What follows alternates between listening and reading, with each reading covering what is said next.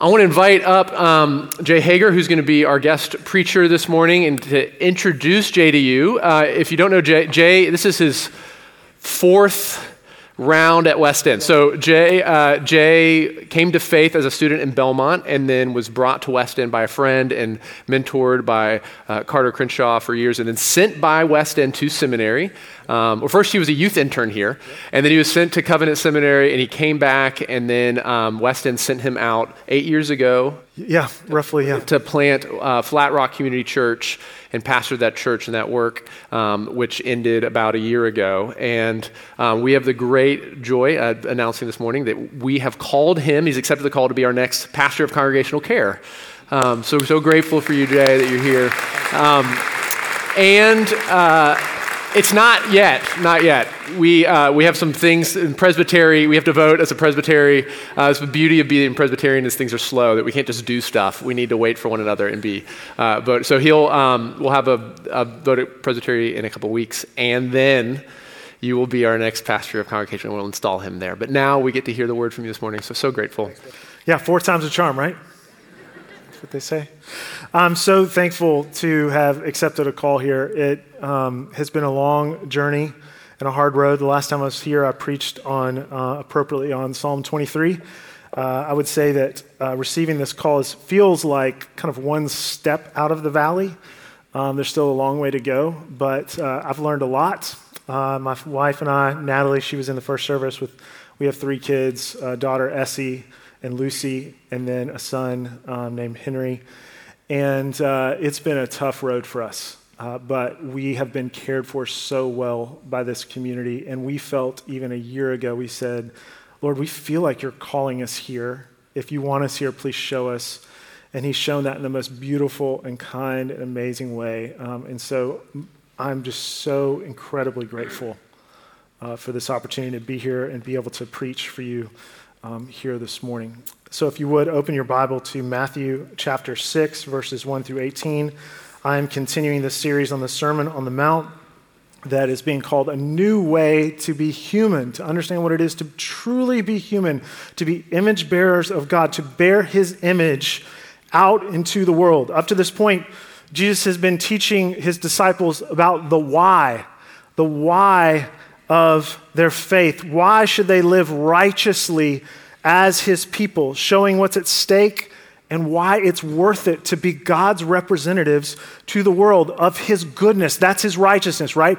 It's, it's Jesus' goodness that has made uh, us right with the Father, and then he puts that goodness in our hearts and he asks us to share that goodness, and that has always been the heart of God. That is what the Sermon on the Mount is about. It's about people reimagining and re engaging in what it means to live out of the heart of God. This has been God's heart since the garden.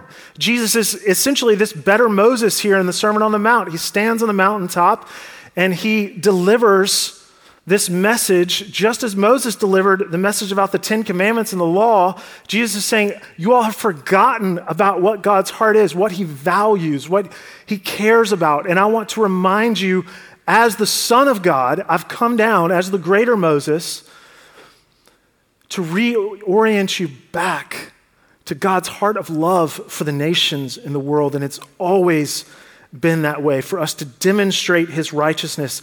We do it because he has been so loving and kind to us, and he calls us to, this, to be the privileged means by which that love goes forth.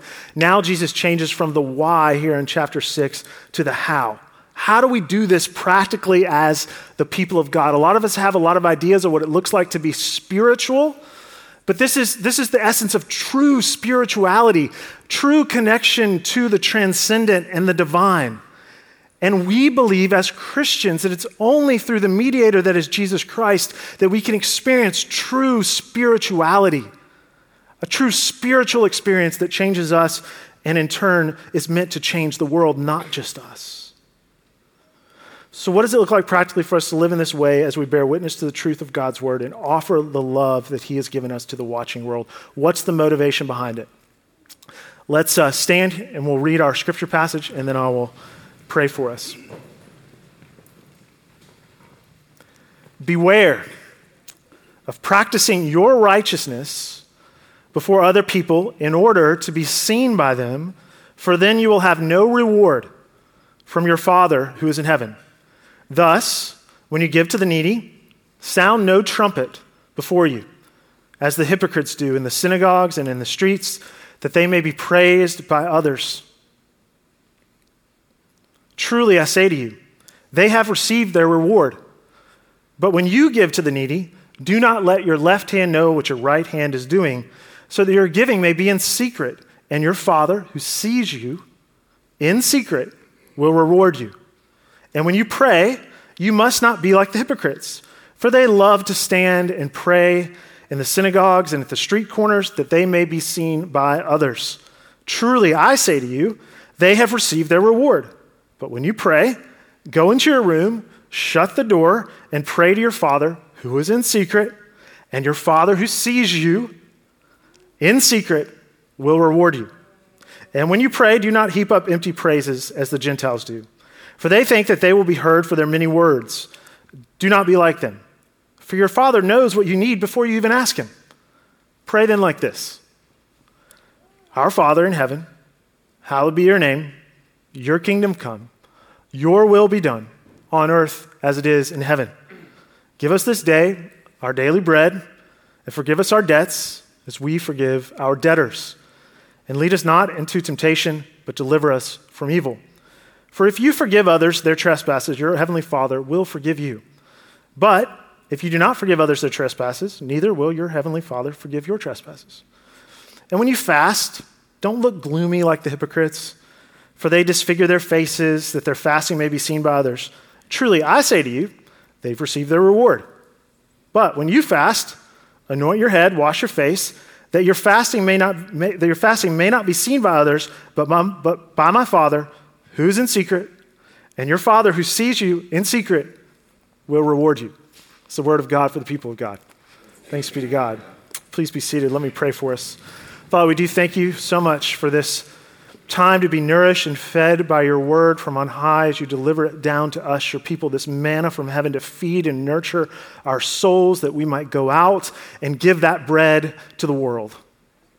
Encourage us in our faith. For those who are struggling in this room to believe, help their unbelief. Show them what it is to be in true, life giving, flourishing relationship with their Heavenly Father who loves them and sees them and loves to reward them. Lord, we pray that you would meet us now in our time of need. And I would ask you all, please pray for yourselves and your own hearts right now. Please pray for your neighbor. Please pray for me. We offer all of these prayers in the name of the Father, and the Son, and the Holy Spirit. In Jesus' name we pray. Amen. How many golfers we have in the room? Okay, here's my golf story. I've been playing golf, I've been a hack since I was 12. I love playing golf. But I grew up playing baseball, and so at 12, I just thought you held a golf club like you held a baseball bat, you know? So, to my shame, I'm going to get real vulnerable here and admit to you guys that at age 44, I still hold a golf club like this. And you know what I do? I go out and I hit some really good shots but I hit a lot more bad shots. And I play with some really nice people. I play with some of my best friends. One of my favorite things to do is to play with my older brother, my superior older brother who's much better at golf than me. You know what he says every time we play? He says, Jay, you're pretty good at this. You hit some good shots. But man, your golf game would be so much better if you would just grip the club the right way the most simple, fundamental, basic thing to golf, I am unwilling to do. Now, at times in my shame, I say, okay, yeah, sure, I'll fix it. So I go out and I try the interlocking grip and I try it for a while, and it's like I've never played golf before. So you know what I'm unwilling to do? I'm unwilling to, not, I'm unwilling to look bad. So I'll go out. If you ask me to play golf with you now, I either have to make a decision and go out and be bad at golf for three, six months, maybe a year, and start over with the grip. There's also something about my club plane or something. One of you experts can explain that more to me. Something really off about. I'm like straight up and down. Uh, we can go talk about that after the service. Um, but I'm trying to fix these things, and it's the most fundamental basic changes that need to be made. And I'm willing to try to make them. I try to make them, but then I give up because I'm impatient and I care about how I look. And so I don't want to look bad. And I know I can go out and if I just do it my way, the way I've done it since I'm 12, I can hit enough good shots for you to somehow think that I'm decent at golf. And that's enough for me. That's how easily satisfied I am in the game of golf. And it's kind of sad because it's like if you're going to really commit the time and the money, why not actually take the lessons and start at the basics and get better? But let's take something far more serious than a silly golf illustration. How many of you all are living life that way? Practicing bad habits. That's, the, that's how you could uh, summarize my golf game. Just someone who's out there practicing bad habits. I have the best intention. I want to do well. Maybe that's you in your spiritual life. You want to do well, but you're unwilling to make the most basic and fundamental changes to enrich your spiritual life and your relationship with this Jesus who has come and died for you and made it possible for you to even have life. You've lost perspective. You've become impatient, maybe. That's how I am. I have a lot of more, I have a lot more serious bad habits than the way I hold a golf club. And you might too. And God is calling us here in this passage to remember two very basic, fundamental truths that are meant to transform us spiritually in relationship to Him. And it all starts with our understanding of what He has given us. He has given us this alien righteousness that fuels our hearts to be able to give the good works and the goodness of God to our neighbor and to the world, to bear His image. But as we do that, we have to remember two things. Here's the thing this is, this is, this is a $175 an hour golf lesson. this is free advice from Jesus. Two things you have to know one, God sees you, and God desires to reward you. It's pretty simple, right? God sees you. Look at verse 1. Beware of practicing. What is practicing? Doing something over and over and over again.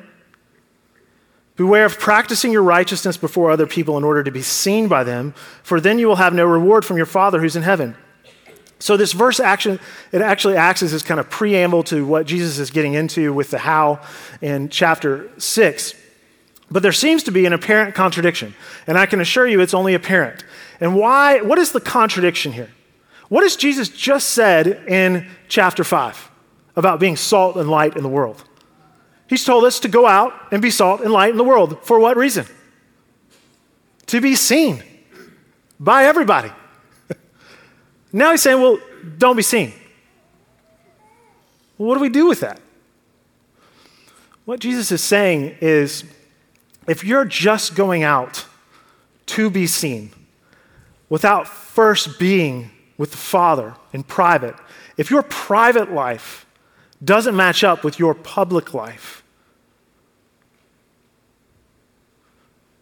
there may be something wrong with your heart. You may not be as close to God as you think you are. You may want people to think that you're a better Christian than you are. You may be acting and mimicking the Christian life without truly understanding what it is that you were made for. So it is clearly mandated by God to let your good works be seen by other words. In other words, take what God has given you, share it with the world. In fact, I would go as far as to say that you were made to be seen. This is not just an inherent desire of yours, it is an inherent need of yours and mine. We were made to be seen. We know this in how much we love social media. We know this when we're swimming with our kids and they relentlessly ask, Hey, dad, watch this. Hey, dad, watch this. I'm like, I can't even get through a half a page of my book. To be seen is more than just a desire, it's a need. We see the powerful and destructive effects culturally of people who don't feel seen, right? Maybe you don't feel seen here this morning.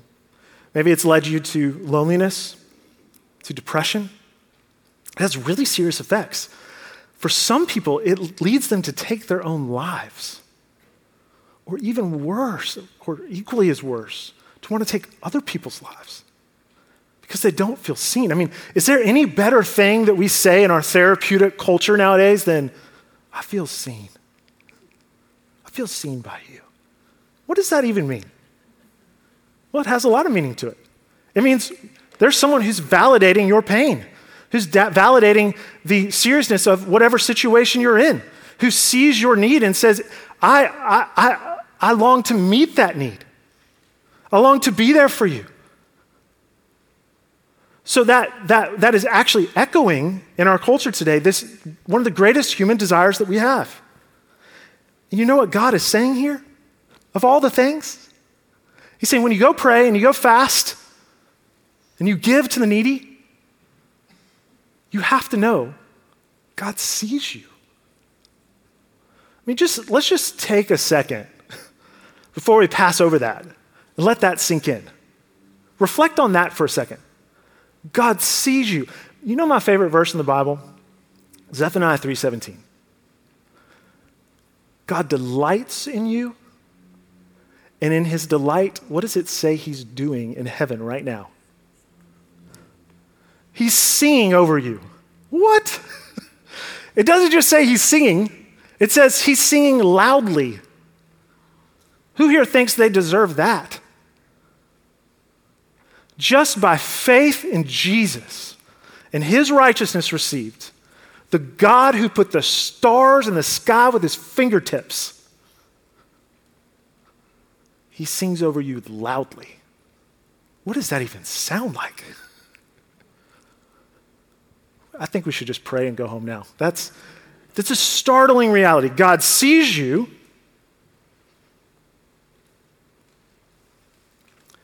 When you're praying, when you're fasting, Jesus, here's the thing. Lots and lots of sermons can be preached on praying, fasting, giving. That's kind of where I started earlier this week. I was trying to do that. Obviously, the Lord's Prayer, we're doing a whole series on that coming up. But what Jesus is really, his main point here is he's kind of just picking these three uh, spiritual devotions, kind of random. Like, let's take the most common spiritual devotions and let's talk about the heart behind why you're doing these things. Are you doing them like a hypocrite? Are you just acting? That's what a hypocrite is. It's not just, for, in Jesus' context, it's not just someone who says they're going to do something and doesn't do it, or vice versa. But it is, the, the hypocrite here is someone, these people were devoted. They did what they said they were going to do. For here, for Jesus, it is the mimic, it's the pretender, it's the, the actor, right? This is, as one commentator put it, about the, theatrical righteousness. It's virtue signaling. For some of us, that's enough just to be seen as spiritual. That's as deep as our spirituality goes. And Jesus is inviting you into something far, far greater and much more satisfying. He's saying, Come, before you go out there, I want to be with you. I want you to go someplace, close the door, and just be with me. How many of us are being motivated in our spiritual life by just being with Jesus? And guys, look, these are the simple means of grace. He's saying, Be with me when you pray, when you talk to God, when you give. Come and be with me and consider what to, what, what to give. And then fasting. I mean, we, I don't even know if we have a category left in the spiritual life for that. Like, what is that? Besides intermittent fasting to lose weight. What is like real fasting? For like the glory of God and the good of the cosmos. What kind of fasting is that? Can we do a series on that? Um, the hypocrite does these things, but they do it for the wrong reason. It's, they do it for themselves, for their own vainglory. That's the essence of sin. It's a turning in on self. It's self-centered. The Christianity is saying, no, no, no, it's, it's God-centered. Because God is the triune God. His love flows outward, right? He shares that love within, and then it for, for many of us, it's just, I'm just going to hold. That's what, that's what was wrong with Israel. They just got real selfish with it. So, how do we know if we're genuinely doing these things for the right reasons and with the right heart? If we're convinced that God sees us, that we were made to be seen by Him both in public and in private, in the streets and in secret, if we're committed to these basic devotions when we're alone with God as much as when we're in front of other people, then you can rest assured this morning that you are indeed sons and daughters of the Father. pastor friend wrote this Freedom from vanity is not a renouncing of your desire to be seen. You were made to be seen. Don't shame your hunger. Feed it rightly. Stop shaming your hunger. Go and be seen by God first. So that the reaction of the world doesn't determine your circumstance and your peace, your circumstantial peace. So when you go out there and you give, you can make a fool of yourself for the glory of God because you know He sees you, because you know you are famous in the heavens. You don't need the fame of this world and the applause of man. You can have it, it's okay to have it. A lot of people in this town have it. But be careful because it can corrupt you. Go to the countless stories of the way fame corrupts people, becomes this addictive, self serving drug rather than a means to give glory and honor to God. And I'll add the only way to experience the applause of man and not let it corrupt you is to have the righteousness of God as your foundation. Knowing God sees you offering these devotions in your broom closet as much as you desire to practice it here or at work, on social media, or on a stage. Verse 3 Don't let your left hand know what your right hand is doing. Don't stop congratulating yourself. Receive the validation of the Father. Verse 6 Go into your room, shut the door. Go to that place and receive your treasure. What is your treasure? It's the reward that the Father longs to give you. What is that reward? It's Him. Jesus is the reward. When you come to church on Sunday mornings, when you pray, when you're at home, when you're struggling, when you're suffering, He is your reward. He is with you. He will never leave you or forsake you. You know what every other religion says? You better start moving. Start moving up. Go find God. You know what the God of Christianity says? I see you in secret. And I'm with you in secret as much as I am out there. The God who created the heavens and the earth, he sees you. The reward is Jesus liberating us from having to impress anyone other than God. The reward is eternal peace versus circumstantial peace. The reward is joy defined by standing in grace rather than how many likes and mentions you get on social media. That's a roller coaster. The reward is existential delight rather than existential dread. Because all of this exists in Jesus. The reward is knowing your surrender and obedience in secret is seen. There's a heavenly response. He's singing over you with loud singing. An investment and a deposit made, sacrifices that are worth it. The reward is not having to exhaust ourselves with an overabundance of words.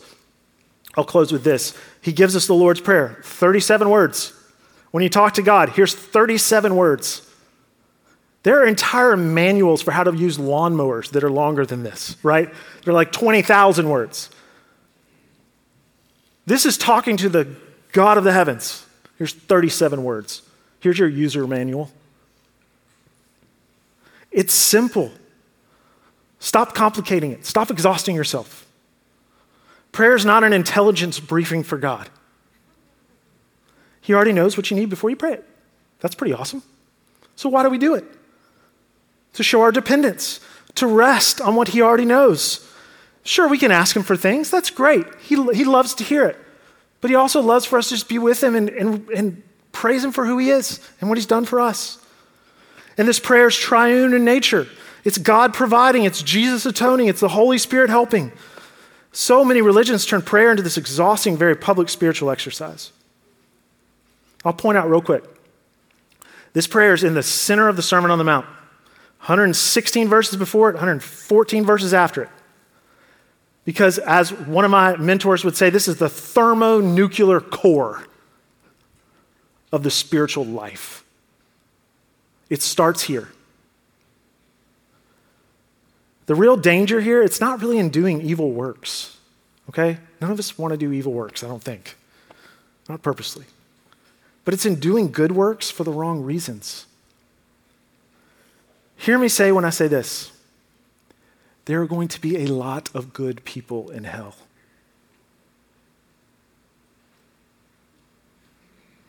There's going to be a lot of people who thought they were good enough because they were their own authority, They were their own standard. The world was their standard. It wasn't Jesus. They didn't see their need. They strove for righteousness by themselves on their own. One commentator p- points out righteousness can be harmful if not used correctly. And Luther, Martin Luther often insisted that our righteousness is more dangerous than our sin. That's what Jesus is concerned with here. For righteousness can serve the most self centered of all human desires, self glorification. Listen, there's going to be a lot of good, a lot of people committed to these devotions of giving prayer and fasting, but doing them to feel like they're good enough to earn God's favor. They're practicing bad habits. Jesus says it doesn't have to be that way. The Bible says that none of us are good enough. None of us is righteous enough. We need an alien righteous that comes from God. He who knew no sin became sin so that in him we could become the righteousness of God. And what distinguishes Christians is our willingness to not only repent of our bad deeds, but our good ones as well. Jesus, in his mo- greatest moment of temptation and abandonment, what did he have to do? He had to get alone with God. He had to find his strength from God as his thermonuclear core. When he's in his suffering and his abandonment, he went to the garden, he got on his knees, and he prayed to God. In his anguish, God strengthened him for the greatest battle of all time. Jesus surrendered to the Father's will and, rec- and recommitted himself to his mission to make the greatest offering of God's love the world would ever see so that we could do this. And so we could be the people of God. If Jesus had to do this, how much more should we? Let's pray. Father, we do pray that your will be done, not ours. Sometimes it feels like you're blind to our circumstance, but you're not. You see us. Thank you for that great reassurance. In prayer and in giving and in denial of self, you see us. You are with us and you will reward us. Let that motivate our faith as we leave this place, not to do more or try harder, but to surrender to these truths. We ask all of this in Jesus' name. Amen.